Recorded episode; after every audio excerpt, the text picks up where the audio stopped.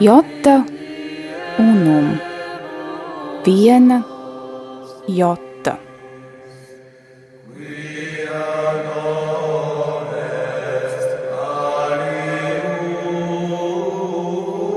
Tradīcija Skaistums, kas paceļas pāri laikam. Skaistais ir paties, skaistais ir labs.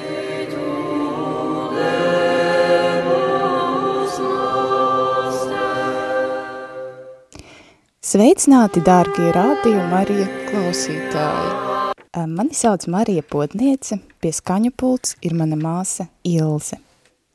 Ar jums kopā ir raidījums Jota Unum.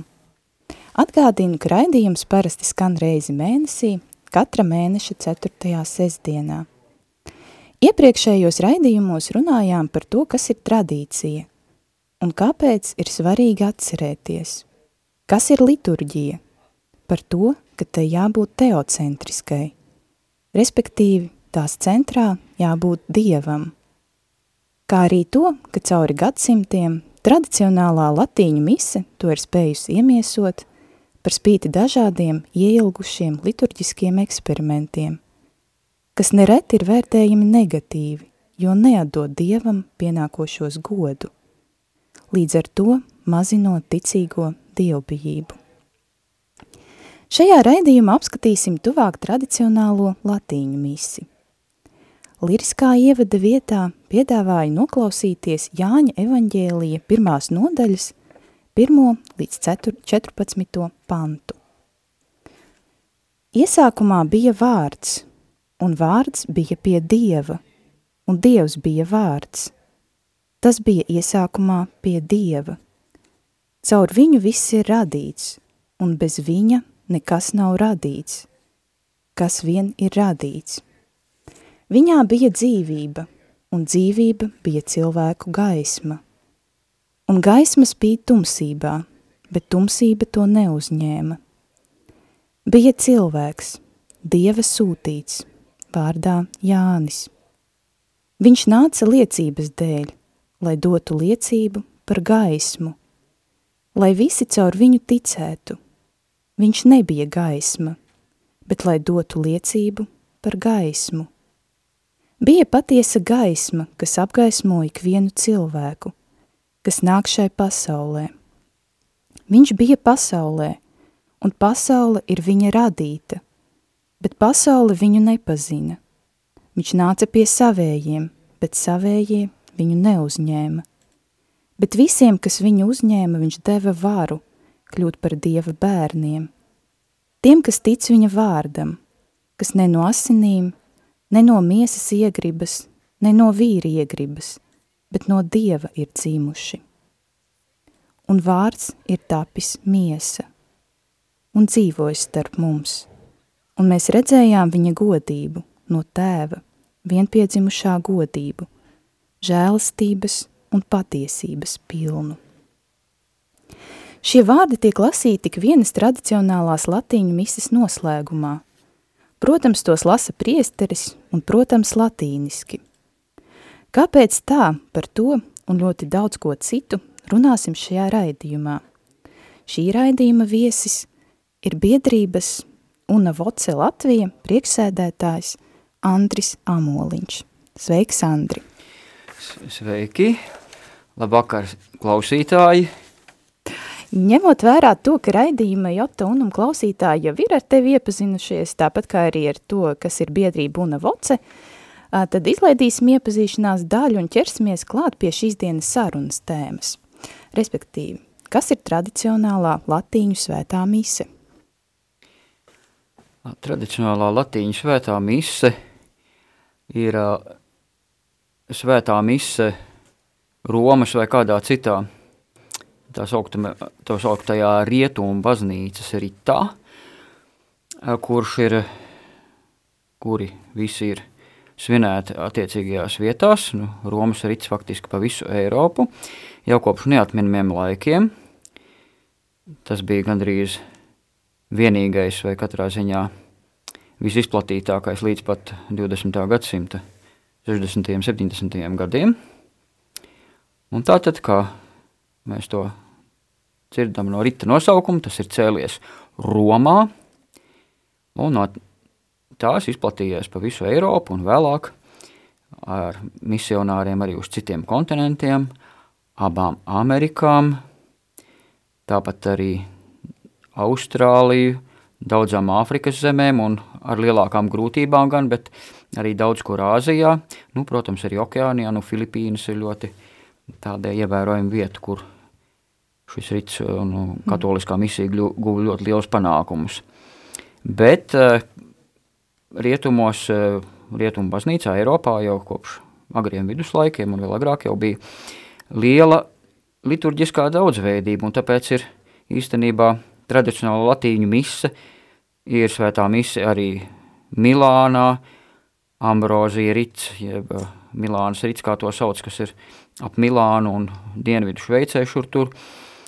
Tad ir arī dažādi citi riti, kuri līdz mūsdienām ir mazāk saglabājušies, bet visi tie tika lietot, un pašā Romas ritā arī bija ļoti liela daudzveidība, jo paralēli attīstījās liturģija un paražas dažādās ievērojumās pilsētās. Tāda bija Liona, Parīze, Ķelne, Braga, Portugālē, Tad arī katrs reliģiskais ordenis, nu ne katrs, bet daudzi arī šos ritus savā veidā kopa un viņi gluži neviļus attīstījās mazlietiņ, katrs savā virzienā, tomēr saglabājot visu kopīgo substanci un struktūru. Tā, piemēram, Dominikāņiem bija savs ar zināmām atšķirībām, vēl vairāk atšķirība kartūziešiem, lai gan to viņu noslēgtā dzīvesveida dēļ retais, kurš ārpus šī ordeņa ir redzējis. Jā. labi, bet tās tomēr atšķirības starp šiem latīņu ritiem ir ļoti tādas lielas, vai tomēr nebūs liels šoks cilvēkam, kas ir piedalījies, teiksim, šajā ambrozija ritā, un tad viņš, kad atnāks uz atkal tradicionālo misiju Romas vairāk šajā ritā, tad kā, viņam, kā viņš jutīsies, viņš būs, viņam būs kultūras šoks vai nebūs? Droši vien nepārāk. Es kā Romas rīta piederīgais varu pastāstīt par eh, pretējo pieredzi, kad būdams Milānā vienreiz piedalījos eh, tradicionālā ambrozija ritā. Nu, kopīgā struktūra, protams, ir līdzīga. Ir dažas atšķirības, kāpēc tiešām to var saukt par atsevišķu ritu, nevis Romas rita dialektu, lai gan viņiem arī vēsturē bijuši savstarpēji, kā saka, apmaiņa. Bet jā, bet nu kultūra šoks, protams, nav. Mm -hmm. Tad, tā kā, ja cilvēks ir bijis vienā, bijis vienā, teiksim, šajā ritā latīņa, tad uh, viņam nebūs problēma adaptēties. Labi. Bet um, kam tad tieši ir jābūt svētajā misē, lai mises dalībnieks varētu ar drošu pārliecību teikt, jā, es esmu bijis tradicionālajā latīņu misē. Es pieļauju, ka latīņu valoda nav vienīgais um, šis kritērijs. Nē, latīņu valoda nav vienīgais kritērijs, bet nu, tās, tā ir ļoti tāda raksturīga pazīme, jo tiešām pārsvarā jau šis viss notiek latīņu valodā. Nu, dažās zemēs ir varbūt daži īpaši paradumi, bet jā, kopumā katrā ziņā gan arī visu priesteris, visas savas lūkšanas un viss, kas viņam jādzied un skaļi, ko arī klusā misē viņš to runā dzirdami, tas ir latīņu valodā, bet tur arī ir mises struktūrā noteikts iezīmes arī priestera žestos. Piemēram, varbūt kādu žestu mēs varam skatītājiem, lai būtu kā ilustrācija? Nu, Latvijas uh, ticīgajiem, kur varbūt pieraduši pie uh, 60. gados reformētās mises uh, jaunās Romas rīta formas, viņi varētu droši vien pamanīt, ka uh, priesteris uh, loka ceļus visvētākā sakramenta priekšā uzreiz pēc konsekrācijas. Tātad tikko uz altāra ir klātbūtne šim kristum, miesā un asinīs zem sakramentālajām zīmēm. Un tikai tad viņš viņu paceļ, un tad vēlreiz godina locīdams ceļus. Tas ir varbūt tāds ko visi var redzēt mm -hmm. labi. Cita lieta ir arī tāds, nu, to varbūt ir uzmanīgāk jā, jāparaugās, ka priesteris tura hostiju, dievišķo maizi, ja, divos pirkstos tikai, un ar šiem pirkstiem neko citu neaizskar. Lai, nu, šīs sakramenta daļiņas nekur neizsmērētu citur, ne, uz, ne pret grāmatas lapām, ne pret altāru segu, ne, ne pie kādiem citiem priekšmetiem. Jā, nu tas parāda tādu m, pēc iespējas lielāku dievbību pret šo Kristus, jā, reālo. Jā, vēl viena lieta, kas varbūt nav stingri nostiprināta – liturģiskajos likumu normās, bet tā tomēr ir raksturīga tradicionālajiem Romas ritam un citiem tradicionālajiem ritiem, īstenībā ne tikai latīņu, bet arī austrumu, ar Bizantijas un iesiekuriem citiem, ka priesteris un ticīgie lūdzas pagriezušies vienā un tajā pašā virzienā. Jā, par to lūdzu uh, mazliet uh, latīniski tas būtu ad orientem. Tieši tā, uz austrumiem. Jā, kāpēc? Kāpēc tieši uz austrumiem, ar ko citas debesu puses ir sliktākas? Sliktākas viņas pašas par sevi nav, bet eh, tāds ir eh, universāls paradums visā baznīcā faktiski, un arī eh, psalmi saka, ka lūk, Kristus uzkābi debesīs pret austrumiem, un arī, ka viņš 67. psalmā tas teikts, un arī, ka viņš atnāks no turienes. Tad tam ir dziļa teoloģiska nozīme. Tam ir, Tas nav tāda iegriba vai, nezinu, tradīcija, vienkārši tāpēc, ka mēs tā darījām kaut kādu. Tam, tam ir teoloģiska nozīme, jā. Mēs varētu arī apskatīties baznīcu būves, kur vismaz agrākos laikos tiešām viņas cēla tā, lai altāra gals būtu uz austrumiem. Un tāpēc arī geogrāfiski viss ir tā orientēta. Vārds orientācija vispār Jā. cēlies no šī principa. Pagriešanās uz austrumiem. Tagad mēs viņu lietojam, protams, jebkurā citā dzīves sfērā, orientācija nozīmē pagriešanos vispār kaut kādā jā, vajadzīgajā virzienā, virzienā jā, bet tas jā. ir no šī Aha. arhitektūras principa. Bet, protams, mēs redzam, ka baznīca būvēja reizēm bija jāpakļaujas arī attiecīgā zemes gabala konfigurācijai. Uh, un līdz ar to šie, šis geogrāfiskais virziens ir cits, un tāpēc teologi ir iesākuši runāt par liturģiskajiem austrumiem. ok, labi. Um, tad, um, um, kā es arī iesākumā lasīju um, šos um, um, evaņģēlija vārdus, um, kāpēc uh, svētās mises noslēgumā mēs um, um, lasām Jāņa evaņģēliju, mm, mums nepatīk citi evaņģēliji, vai, nu, kāpēc tieši šie vārdi īstenībā ir vesels kosmos, manuprāt, nu, tos mēs pat īsti nevaram uztvert visā to dziļumā un tā, un kāpēc tad, nu, kaut kas tik dziļš un tik plaši traktējams tiek lasīts svētās misas noslēgumā. Šī evaņģēlija izvēle, nu, protams, četrus vienlaicīgi nevar lasīt. Bet, Tas tiesa, bet jā, var miksēt vai kaut nu, kā? Visādi var, jā.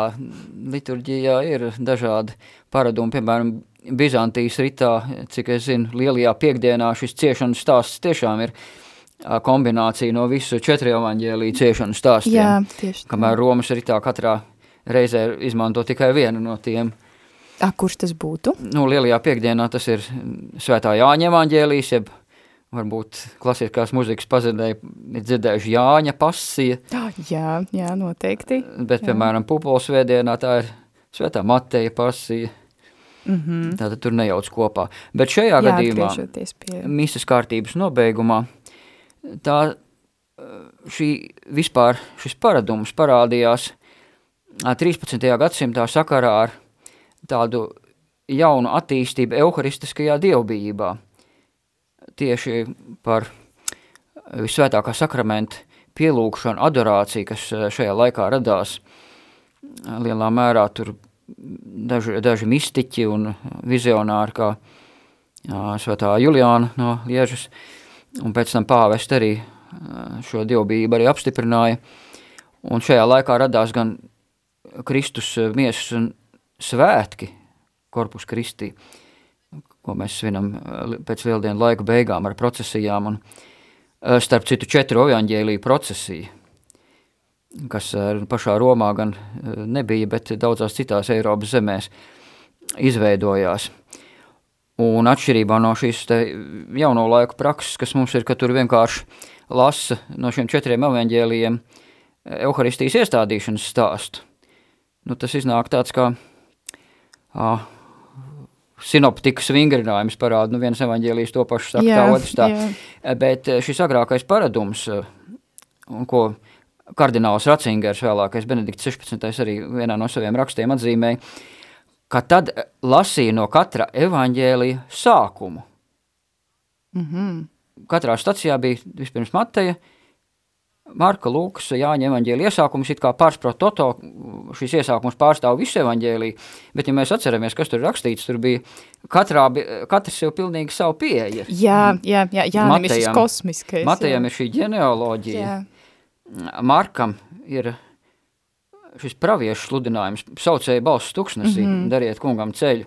Lūkam ir atkal šīs vēsturiskā pieeja, kur evaņģēlis stāsta, lūk, kā, kā viņš pie šī visa ir nonācis, ka viņš ir kā liecinieks. Jā, jā. Un Jāņa evaņģēlijā, ko jūs pieminējāt, ir šis skats no augšas. Jā. Tāds... Globālais, tad dziļi teoloģiskais.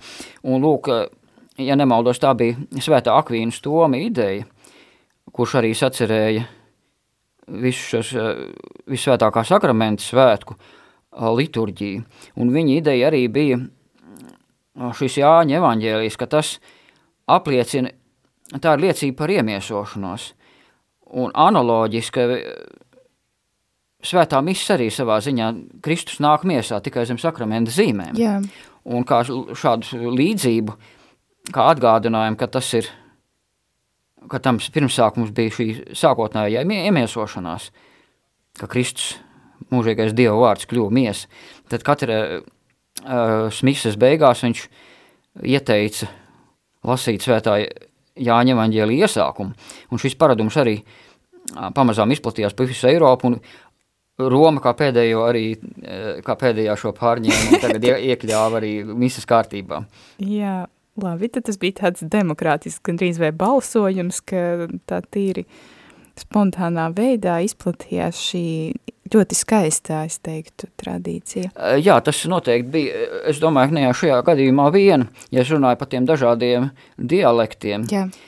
tad viņi ar, protams, viens no otru daudz ko pārņēma, un parasti tas arī bija demokrātiski tādā ziņā, ka, ja kaut kādā kaimiņu pilsētā parādījās kāds ieradums, kas, kas ir skaists, kas jā. iepatikās, jā. tad reti viņš tika pārņemts. Nu, citreiz arī tas notika varbūt mazāk demokrātiski, piemēram, kaut kādu politisku apsvērumu dēļ, ja teiksim kādam, lai patiktu kādam valdniekam, kuram šis ir tikās labs, un tad, lai viņš saglabātu labas attiecības, tad nu, jā. Jā, tas jādara nu, nevelti visādi ietekmīgi ļaudis bija ne tikai ne gan tik karotāji, bet arī mākslas mecenāti, kas pacēla daudzus talantus un lieliskas lietas iecēla gaismā. Šķiet, nu, mēs varam runāt par tādu duālo dabu mazliet pasaules. Labi, bet uh, varbūt um, par to mešanos ceļos svētās misas laikā, jo, kā es esmu to ievērojis, arī ļoti skaista tāda tāds ieradums, ka līdz ko skan vai nu svētās mises laikā, vai arī e, lasot Jāņa evaņģēli ir šie vārdi iemiesojies. Kristus ir iemiesojies, un tad uh, Dieva tauta, tāpat kā priesteris, metas ceļos, lai pagodinātu šo faktu cilvēces vēsturē, šo notikumu. Kā tas, kad tas parādījās, tas bija vienmēr, vai ar to arī ir kāda, kāds stāsts? nu, droši vien pētot liturģijas vēsturi, iespējams, ka var kaut kādus uh, sākumus tam atrast, jo, ja mēs pastamies uh, Nikejas koncila dekrētus, tur bija viens no šiem kanoniem bija aizliegums mesties ceļos lieldienu laikā. Ak vai, kāpēc? Redz, tāpēc, ka tajā laikā arī Romas ritā ceļos mešanās bija vairāk tāda ar uh, gandarīšanas grēknožālošanas raksturu. Ja mēs paskatāmies tradicionālajā Romas misālē, tieši gavēņa laika svētajās misēs bieži vien ir diakonam jāiedzied flektām uz geno, locīsim ceļus. À, lai tauta zinātu. Un tad subdiakons pēc, pēc brītiņa atbild, levāte, celieties. Un acīm redzot, tieši šīs mešanās ceļos bija sākumā vienīgās. Mm -hmm. Un tad pamazām ar euharistiskās dievbības attīstību radās šīs pārējās, tad, kad jau nu, austrumi un rietumi bija kulturāli varbūt mazliet attālinājušies viens no otra, un tad to neviens vairs nekādā ziņā neuztvēra par, par Nīkais koncila dekrētu pārkāpumu, bet par pilnīgi jaunu un citu žestu, kas ir šī adorācijas izpausme. Nu, bet kas attiecas uz vārdiem – vārds tapa miesa, tad Jā. arī mūsdienās tautā ir pieņēmis, ka skaita lūkšana kunga eņģelis pie šiem vārdiem metas ceļos. Un tradicionālā misē, piemēram, arī kad dzied vai skaita ticības apliecība, arī pie šiem vārdiem jā, tas tiek darīts. Jā, jā, tieši tā, tāpēc gribēju atzīmēt, jā, to, ka, nu, ka mūsu ceļgali un ka mēs ar visu ķermeni parādam to, ka mēs saprotam šos vārdus un ka mēs reflektējam šo vārdu jēgu. Um, tad varbūt, ja mēs runājam par evaņģēlijiem, tad um, esmu ievērojis, ka tradicionālās misas laikā priesteris uh, pārliek evaņģēliju uz altāra. Sākumā tas stāv labajā pusē, tad kreisajā pusē. Kāpēc tas uh, un kāda tam ir tāda teoloģiskā nozīme? Tam ir gan teoloģiska, gan tāda praktiski ceremoniāla nozīme, jo uh, svētās misas – ceremonija pamats ir tās pati svinīgākā forma pāvesta vai attiecīgi bīskapa misa savā katedrālē, visa domkapitula vai pāvesta gadījumā kūrijas klātbūtnē ar visiem iespējamiem asistentiem un kalpotājiem. Un tad, ja mēs esam varbūt bijuši īpaši vidusjūras basēņā, Itālijā senās kristiešu baznīcas, tur ir divas ambonas, bieži vien – Viena ir vienā pusē, kas ir epistulas lasījumam, un otra evaņģēlija lasījumam. Un tad tātad subdiakons no vienas dzied apustuļu vēstules tekstu vai kādas citas eh, bībeles grāmatas tekstu, kas ir tajā misē paredzēts. Un tad ir pa vidu ir kaut kāds psalmu dziedājums, graduāla trakts, aleluja sekvence. Un tad diakons kaut kāpj tajā otrajā ambonā un dzied evaņģēliju. Nu, virzieni, tur ir arī savu mistiski skaidrojumu, ka lūk evaņģēlijas, nu, ja, piemēram, altārs ir baznīcas austrumu galā, tad evaņģēlijas uz ziemeļiem, ziemeļi ir kā tā tumsas zeme, tā ir simbolizē to pasaules daļu, kur vēl nav dzirdējuši Kristus vēsti, kur jāevaņģelizē. Mm -hmm. Un tad, lūk, arī, protams, šādā svinīgā pāvesta misē, vai vispār svinīgajā misē droši vien tā grāmata, grāmatas ir atsevišķi, piemēram, misāla, tāda plenāra misāla, kur viss, viss iekšā nemaz nav, bet, piemēram, bīskapam ir šis, ko mūsdienās sauc pontifikālais kanons, tad ir sakramentārijas senākos laikos, nu, subdiakonam ir grāmata ar viņam pienākošamies lasījumiem, un diakonam ir evaņģeliārijas, bet uh, mūsdienās draudzēs, kur tik pilnīgi ceremoniāli nevar atļauties, tur šo it kā sasaist ar pilnīgāko ceremoniāli pieticīgākajos apstākļos, izsaka arī šī ceremonijas ar pašu misālu, kurā vienā grāmatā ir visi teksti, un tad priesteris it kā tajā epistulas pusē lasa šo pirmo lasījumu, vai ir vēl kāds vairāk lasījumi, tad visus pirmos izņemot evaņģēliju. Un tad kalpotājs, ministrants pārnes misālu otrajā pusē, un tad it kā altāra otrā galā notiek visi šie jau, jau lielāka ceremonija, kas pienāks evaņģēlijam, un arī evaņģēlijs tiek dziedāts no turienes. Mm -hmm. Labi. Um, tad pievērsīsimies um, no tikumu tēmai. par svēto misi kā um, tādu cilvēku izglītotāju tikumības un tikumu jautājumos, mm, par varbūt ir kādi senie lūkšana teksti, kas izceļ kādus dogmu aspektus un kas audzina cilvēks, jo, nu, tādā tīri viņu morāli teoloģiskajā ziņā. Jā, tādi savā ziņā ir visi priesteru lūkšanu teksti. Nu, katrā misē pamatā ir trīs šīs galvenās priesteru lūkšanas, kas ir raksturīgas misas formulāram. Viena ir saucamā kolekta, jeb dienas lūkšana, ko misas sākumā priesteris dzied. Tad ir lūkšana pār upurdāvanām, jeb sekrēta, ko priesteris skaita klusām. Un tad ir trešā ir pēckomunijas lūkšana, kā tā tiek dziedāta skaļi. Nu, un visos šajos tekstos, protams, iz, ir izteikta kāda kristīgās mācības sastāvdaļa.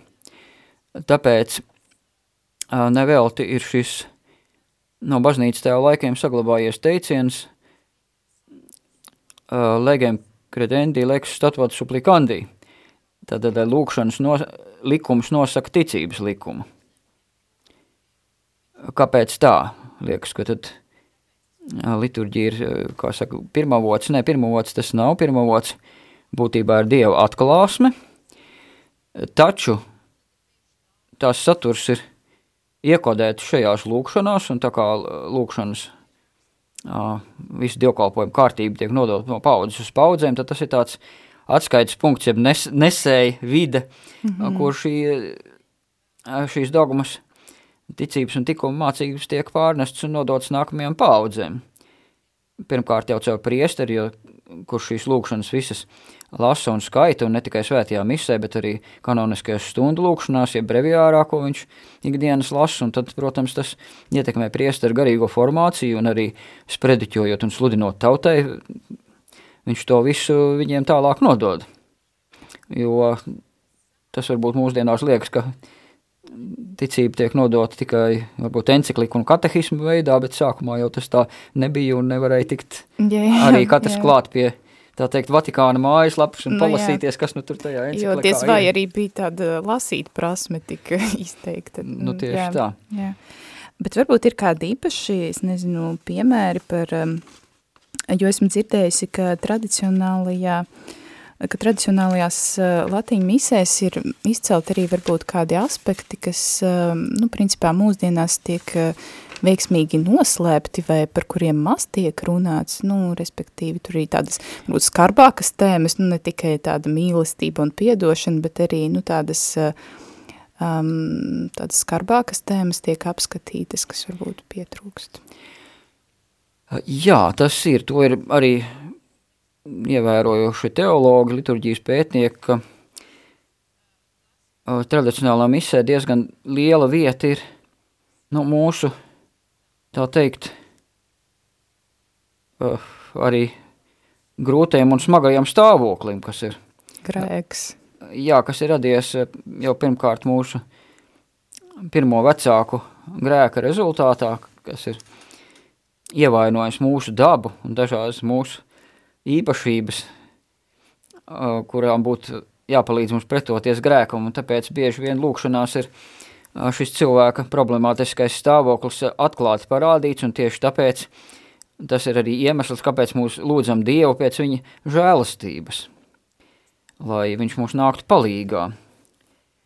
Un līdz ar to, nu, apstīsimies, piemēram, kas ir 11. svētdienā pēc vasaras svētkiem šī klusā lūkšana par upurdāvanām. Tātad respice domina kvezumus nostram propicius servitūtem, ut quod ferimus sit tibi munus acceptum et sit nostre fragilitatis subsidium. Ja, tātad šeit ir uzlūko kungs, mēs lūdzam žāsirdīgi mūsu kalpojumu, tātad tas ir pie upurdāvanām, ja, tad priesteris ir sagatavojis visu pašam upurim. Un to, ko mēs tev pienesam, lai tev ir pieņemams, pieņemam upurdāvanu, un mums, lai tā ir mūsu vājumam palīdzība, mūsu vārīgumam, fragilitās. Mm -hmm. tas ir tad, nu, trauslums. jā, mēs palīdz mūsu atzīstam to, trauslumam. jā. Un, eh, lūk, kur reformētāji to ir pārveidojuši tādā veidā, ka šo, šo mūsu palīdzību mūsu trauslumam, tai vietā ir citi vārdi, nostra caritātis augmentum, mūsu mīlestības pieaugums, lai tas būtu. Ideja pati parasti nav, nav slikta, tā ir ļoti Nu, laba jā, ideja. Bet lūk, šī te, šis te mūsu vājuma stāvoklis, kas īstenībā traucē, tas ir tas, kas traucē, lai mēs pieaugtu mīlestībā. Jo šī mīlestība pazūd, tikko mēs smagi sagrēkojam, tad tas ir kaut kādā veidā noklusēts. Bet derētu to tomēr dzirdēt. Derētu, jā, jā. Eh, Arī citās lūkšanās, kas varbūt nav tieši Romas kūrijas misālē saglabājušās, bet viņas arī citos Romas dialektos. Piemēram, ir tas dažādi sakramentāriji, kur ir izmantoti ārpus Romas, bet šai, šai pašai nu, misei lielā mērā, jo šīs nemainīgās daļas misas kārtība jau bija vienāda, mm -hmm. bet atsevišķu dievkalpojumu formulāri varēja atšķirties. Piemēram, arī ir viena senā lūkšana no Gelazijas sakramentārī, kur lūdz savu ganāmpulku labais gans, žēlsirdīgi uzlūko, un nāvis, kurus ar savām dārgajām asinīm tu esi atpircis, pasargā no vēlnišķīgā iebrukuma, neļauj ar šo vēlnišķīgiem iebrukumiem viņas, tā teikt, uh, saplosīt. Mm -hmm. Diabol, diabolikā non sināsim kursione, lacerāra. Nu, un šī lūkšana ir pārņemta šajā reformētajā misē tagad jaunajā, jo tur vienkārši bija šī lūkšana formulāri vairāk vajadzīgi pēc skaita. Un tad viņi tā apkalpojās, pasmēlās no senajiem sakramentāriem arī daļēji, bet eh, šī lūkšana atkal ir pār, pārveidota. Tātad, eh, lai neļautu, lūgums neļaut eh, vēlnišķīgiem iebrukumiem šīs avitiņas saplēst, tā vietā tiek lūgts, lai viņas novieto mūžīgajās ganībās. Nu, arī skaisti. Jā, ļoti, ļoti pareiza un laba ideja. Jā, bet tomēr iebrukums ir iespējams. Jā, bet eh, mē, mēs pārējām galā, ga, garām tam, ka, ka viņas pirms vēl var nokļūties mūžīgām ganībās, viņas, tā teikt, Mm. naid, naidnieks Viņu kā žociņš ir sap- apdraudēts. sap- jā. Saplēš, un viņas tur netiek, un Jā. tad mēs jau vispirms jau par to lūdzamies. Tā kā savā ziņā tradicionālās misas šīs lūkšanas var būt tādas, nu, savā ziņā arī piezemētākas, kas attiecas uz cilvēku stāvokli. Nu jā, ko ir svarīgi apzināties. Bet ā, šajā brīdī mēs ā, mazliet, pār, mm, mazliet pārtrauksim sarunu ā, uz muzikālu pauzi, bet pēc tam atgriezīsimies, lai parunātu par kainu un ābelu tai skaitā. Palieciet ar mums!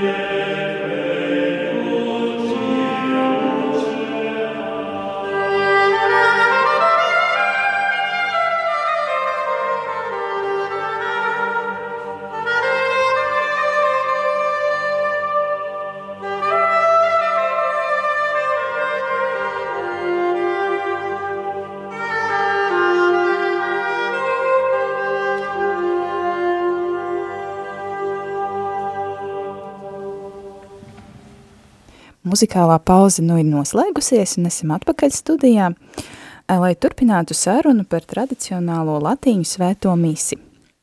Mēs šeit runājam par to, cik daudzas skaistas iezīmes ir tajā, bet nerunājam par svarīgāko, kā mēs varam zināt, ka tā ir Dievam tīkams kults. Kā mēs to varam zināt? Varam zināt tā, ka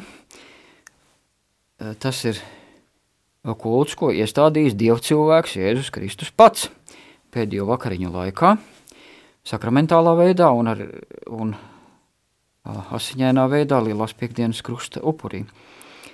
Un līdz ar to tā kā viņš ir patiesi dievs un patiesi cilvēks, un kā cilvēks viņš ir bijis līdzīgs mums visā atskaitot grēku, tad viņš ir arī perfekta un Dievam tēvam vispilnīgākā veidā pieņemam upur dāvanu. Un kamēr vien priesteris dara to, ko Eh, Jēzus Kristus eh, pēdējo vakariņu laikā ir pavēlējis darīt, tikmēr šī, šis upuris pašu Kristus dēļ ir Dievam pieņemams. Jā, skaidrs, bet kādēļ tieši mēs varam būt pārliecināti, ka tieši tradicionālā latīņa mise ir uh, nu, dievam tīkami, jo varbūt nu, mēs varam viņu kaut kā atmest, ļauties jauninājumiem, strāvojumiem, dažādiem jauniem. Varbūt nav svarīgi tik ļoti iekrampēties ar uh, nadziņiem tajā tradīcijā un tradicionālsmā latīņu misē, tradicionālajā. Nu, iekrampēties būtu vērts kaut vai tāpēc, ka tā ir kopš neatminamiem laikiem lietota, uh, Un, ja nu, mēs uzskatām, ka baznīca vada svētais garš, tad nevarētu būt, ka viņš 19 gadsimtus ir kļūdījies, vad, vad, vadījis viņu pa maldu ceļi. kaut kur greizi, un līdz ar to tas nozīmē, ka viņa, viņa ir uzkrājusi visu šo daudzo svēto un baznīcas tēvu un doktoru pieredzi un atziņas, ko viņi ir saņēmuši uh, uztic, studējot atklāsmi un to uzticīgi tālāk nododot. Mēs arī redzam, ka šis rits, nu, gan mise, gan arī vispārējie saistītie dievkalpojumi, sakramenti, kanoniskās stundas ir iedvesmojušas arī māksliniekus un arhitektus un komponistus radīt uh, neskaitāmus darbus, par arī, par kuriem priecājas tagad citi cilvēki arī, kuri pat nav kristieši un tā kā, piemēram, dažādi turisti no visām zemēm apmeklē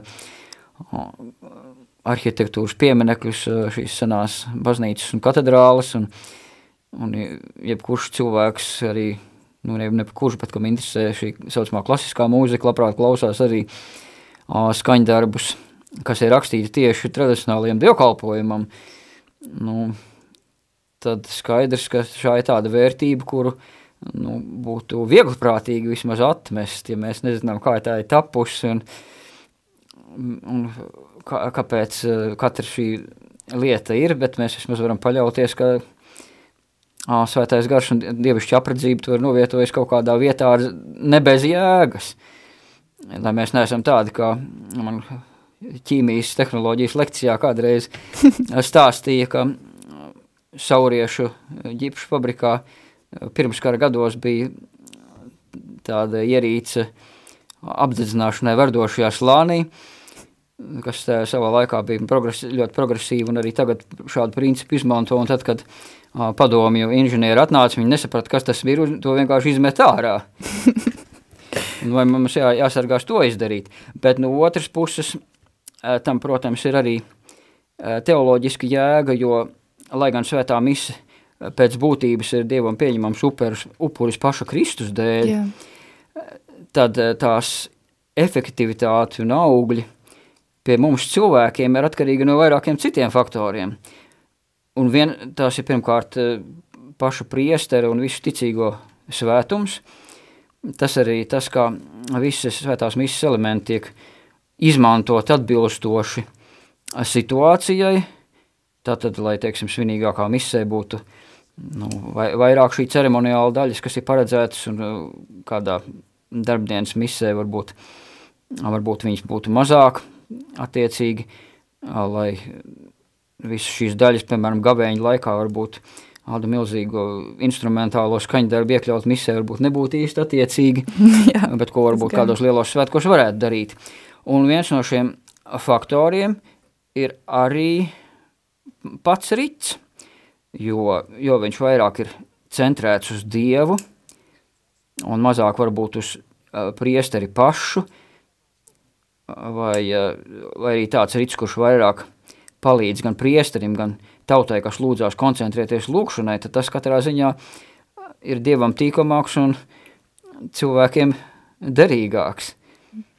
Tas gan, jā, to mēs nevaram apstrīdēt, bet ņemot vērā to, ka um, tu jau aizsāki šo tēmu, ka visu mēs iepazīstam salīdzinājumā, un um, vai mēs varam apgalvot, ka viens rīts ir uh, svētāks kā cits, un, nu, tu jau paskaidroji mazliet, kāpēc, nu, ka šis eh, fokus ir svarīgs, tā kā uz ko mēs koncentrējamies? Jā, šajā gadījumā es varbūt nesalīdzinātu rita svētumu, jo es domāju, visi apustuliskie riti ir svēti, un visus, ko baznīca ir pieņēmusi, un arī, nu, arī pat eh, arī šis reformētais rits vismaz caur to, ka tas ir eh, derīgs un dievam tīkams upurs, tas arī ir svēts. Jā, jā, protams, protams. Tātad šeit būtu vairāk runa par augļiem, par efektivitāti, par tādu, nu, celsmīgumu savā ziņā. Jā, jā, es jautāju, tāpēc, ka mums ir nu, šis bībeles stāsts par diviem brāļiem, un uh, viņi abi dievam upurēja, nu, nosauksim viņus vārdā, un tur slēpsim no pārējiem. Tas bija Kains un Ābels, un viņi abi dievam nes uh, upuri, un dievam kaina upuris tā kā negāja pie sirds, un kas varētu būt par iemeslu, vai arī, nu, tomēr viņi nenesa pien, nu, tā kā varbūt viens nesa nepienācīgāk šo upuri.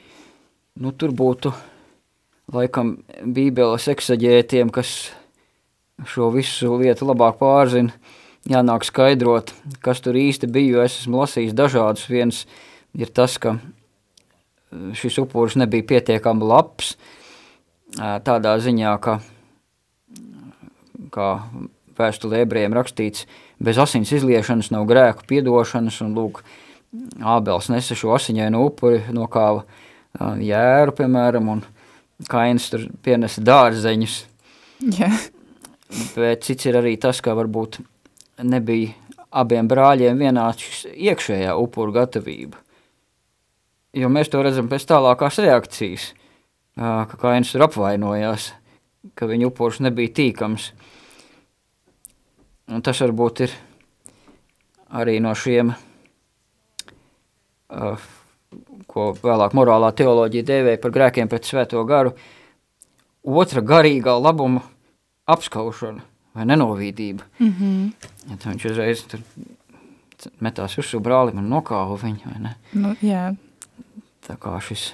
Jo mēs redzam, nu, ka tomēr šis, eh, nu, zināmā mērā, ka viens no pirmajiem konfliktiem cilvēces vēsturē tomēr ir saistībā ar to, um, kā mēs pagodinam Dievu un kurš to dara labāk un kāda ir Dieva atbilde, un, nu, tas arī kaut kādā mērā šķiet ilustrē, nu, tādu gan cilvēku to vajadzību um, upurēt Dievam, gan arī to, kā tas būtu pareizi jādara un kādi aspekti šeit ceļā ir jāievēro? Nu, kāds aspekts jā, jāpieturās pie, pie tā, kas ir... Jādod labākais visdrīzāk. Kas, jā, ba, kas ir baznīcas grāmatās rakstīts, pašu dievkalpojumu norisē, Nu, pirmkārt, attiecas, protams, uz priesteriem un tiem, kas piekalpo, varbūt lielā mērā arī uh, dažād, dažādas palīga funkcijas, kas veids, piemēram, tur vienalga sakristānis, ērģelnieks, vienalga kas. Jā, jābūt šai iekšējai upuru gatavībai, nu, pirmkārt, kas būtu vēlams, tu būtu nu, žēlastības stāvoklis, ja? Tad vēl, jā, arī šis labākais, ko var dot, tas varētu attiekties arī, kā mēs attiecamies, piemēram, nu, arī pret baznīcas atbalstīšanu materiālā ziņā, jo Kristus augstu novērtēja to atraitni, kas atdeva tur savu pēdējo grasīti. Jā, jā, mēs... Un tas, kā, tas ir arī lielā mērā relatīvs, visi šie nosacījumi par to rītu par visu nu, nu, to ceremoniālu, kādas, kā mēs atbalstam baznīcu, viss tas ir drusku relatīvs. Un savā ziņā viens faktors var nostrādāt pretī otram. Piemēram, ir misa notiek ar, ar profesionālu koru un orķestri, bet varbūt celebrants priesteris ir kā saka, smaga grēka stāvoklī un varbūt arī publiski skandaloza personība. Jā, tas, tas ir kā gan, viens jā, misas augļus un efektivitāti, mm. un otrs samazina. Mm. Jā, tas tiesa. Um, varbūt īsos vārdos, jo raidījums tuvojas noslēgumam uh, par uh, tautas līdzdalību un uzvedību svētās misas laikā, jo, kā esmu ievērojusi, tradicionālās latīņu misas laikā lūkšana tēvs mūsu uh, tauta nedzied līdzi ar priesteri, kādēļ tā?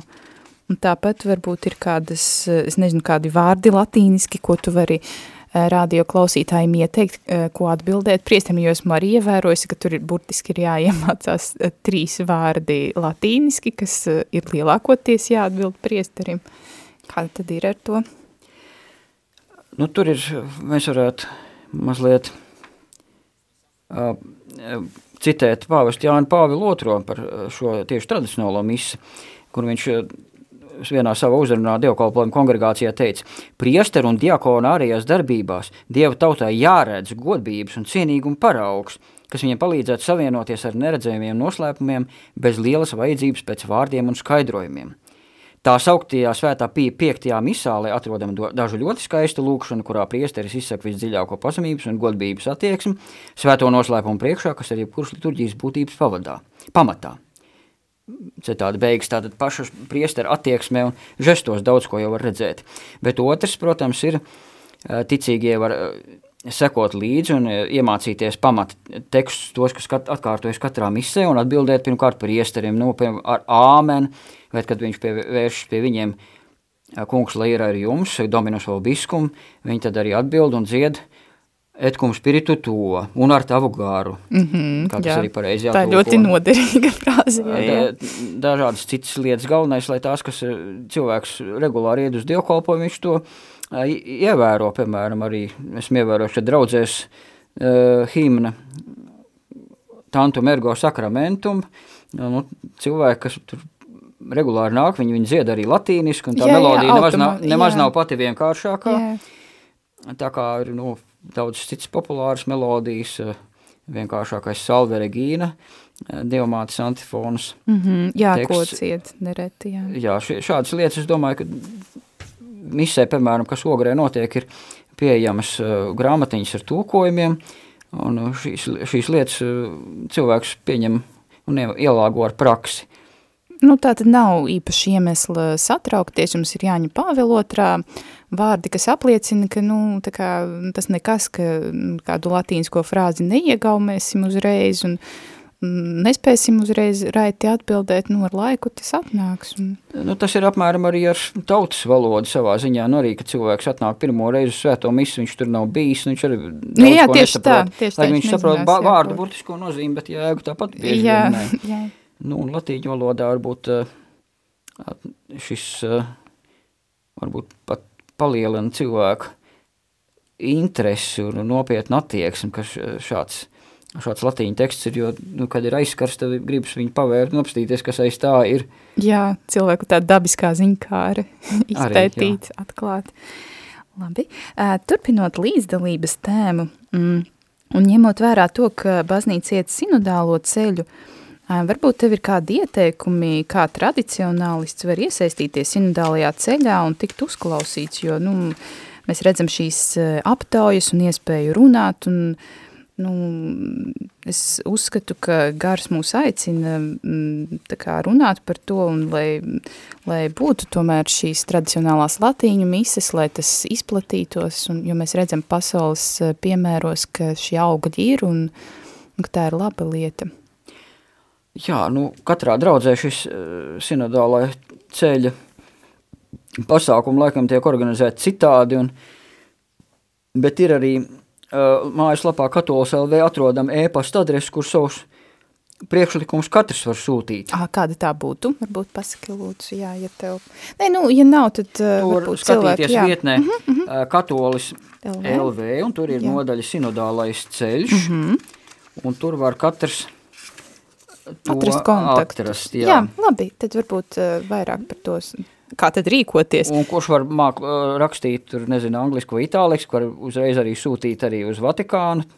Tur arī ir Ā, sava adrese, tā jā. tad, ā, ļoti Un jauki. galvenais tur nav, ir vienalga, vai to sūta viens cilvēks tikai savā vārdā, Vai to var sūtīt arī jā. grupas, kolektīvs, jā, šādas ā, idejas katrs var izteikt un Nu, jā, baznīca arī aicina, Jā, protams, tieši protams, baznīca aicina katram izteikt, un jā. es domāju, tie, kas arī grib kaut ko vairāk, lai šis tradicionālais rīts būtu pieejams, var droši nekautrēties un darīt zinām savu eksistenci. Mm, Tieši tā. Savu jā, viedokli. Jā, jā.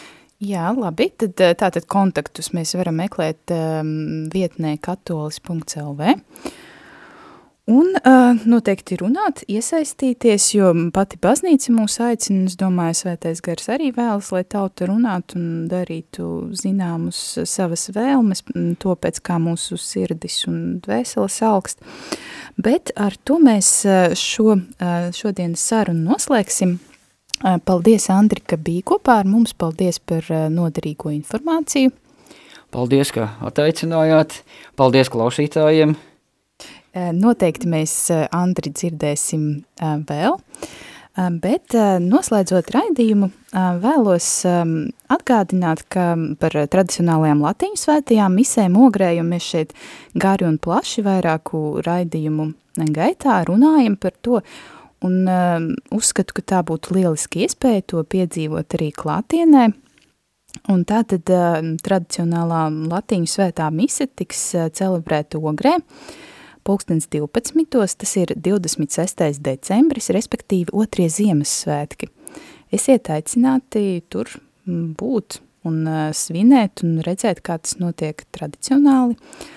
Tāpat aktuālā informācija par šo svēto misiju un tāpat kā mm, arī par citiem jautājumiem un citiem aspektiem saistībā ar tradicionālo latīņu misiju un ne tikai ir atrodama Una Voce blogā.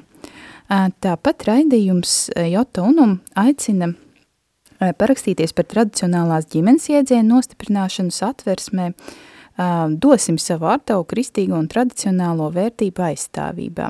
Tātad parakstīties var elektroniski interneta vietnē latvija.lv slīpsvītra PV, šis PV ir saīsinājums no parakstu vākšana, Tāpat ir iespēja to izdarīt pie zvērinātiem notāriem vai parakstīšanās vietās pašvaldībās. Ā, Tāpat arī, kā arī mēs rēdījumā runājām, aicinām um, izteikties un um, arī sinodālā ceļa um, kontekstā rakstīt, um, runāt par to, ko mēs vēlamies. Un noteikti, pat ja nav piedzīvota šī tradicionālā svētā mise, tomēr to atbalstīt, un, jo, kā arī mēs šeit runājām un arī paskatoties pasaules ā, pieredzē, šie augļi ir, un tā ir ļoti tāda liela un svētīga lieta.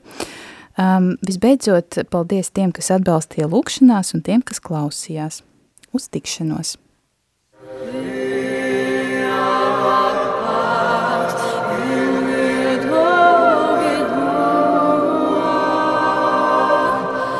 Raidījums Jota Unum ir izskanējis